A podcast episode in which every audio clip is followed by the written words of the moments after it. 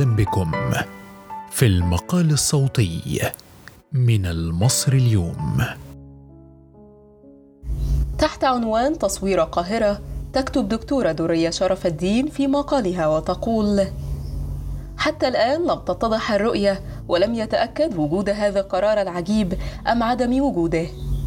هذا القرار العنتري المفاجئ المناقض للحال والأحوال المحلية والعالمية التي تحاصر الإنتاج الفني وتقلصه إلى حدود دنيا خاصة الإنتاج السينمائي.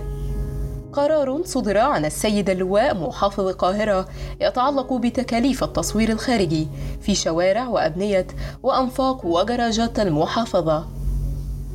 لم يترك القرار مكانا إلا وذكره وحدده. مائة ألف جنيه في اليوم وخمسة عشر ألفا في الساعة. هذا في الوقت الذي يتراجع فيه النشاط السينمائي وعدد الأفلام المنتجة سنويا في مصر. وتعاني دور السينما من نظرة المتفرجين المبتعدين عن التواجد بالأماكن المغلقة بفعل جائحة كورونا ولم يستطع الإنتاج التلفزيوني أن يعوض صناع السينما ولا مالكي دور العرض. توقيت غريب يزيد الطين بلة كما يقولون. لم يستشر بشأنه أحد من العاملين في المجال الفني. وترك اتخاذ القرار لجماعة من الموظفين والإداريين بالمحافظة. لا علم لهم بسوق الإنتاج الفني ولا دراية بأهمية التصوير بالأماكن المفتوحة خاصة في عواصم ومدن العالم التي تدخل في عداد الوثائق التاريخية التي تعتبر مع مرور السنوات ثروة وطنية لا تقدر بثمن.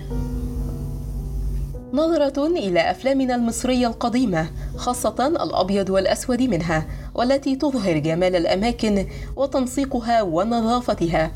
تجعلنا نخجل من الصورة الحديثة لنفس تلك الأماكن.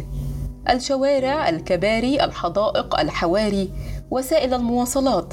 مظهر الموظفين في الشركات والمصانع المنازل والقصور وأزياء السيدات. كل ذلك وثائق تاريخية مصورة ناطقة ومتحركة لا تعوضها صورا فوتوغرافية مهما بلغت روعتها وإتقانها. القاهرة مدينة ثرية بالقديم والجديد.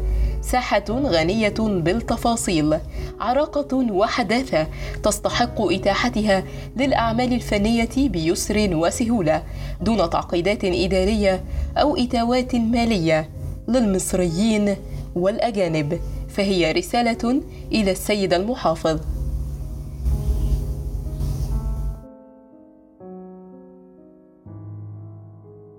المقال الصوتي من المصري اليوم.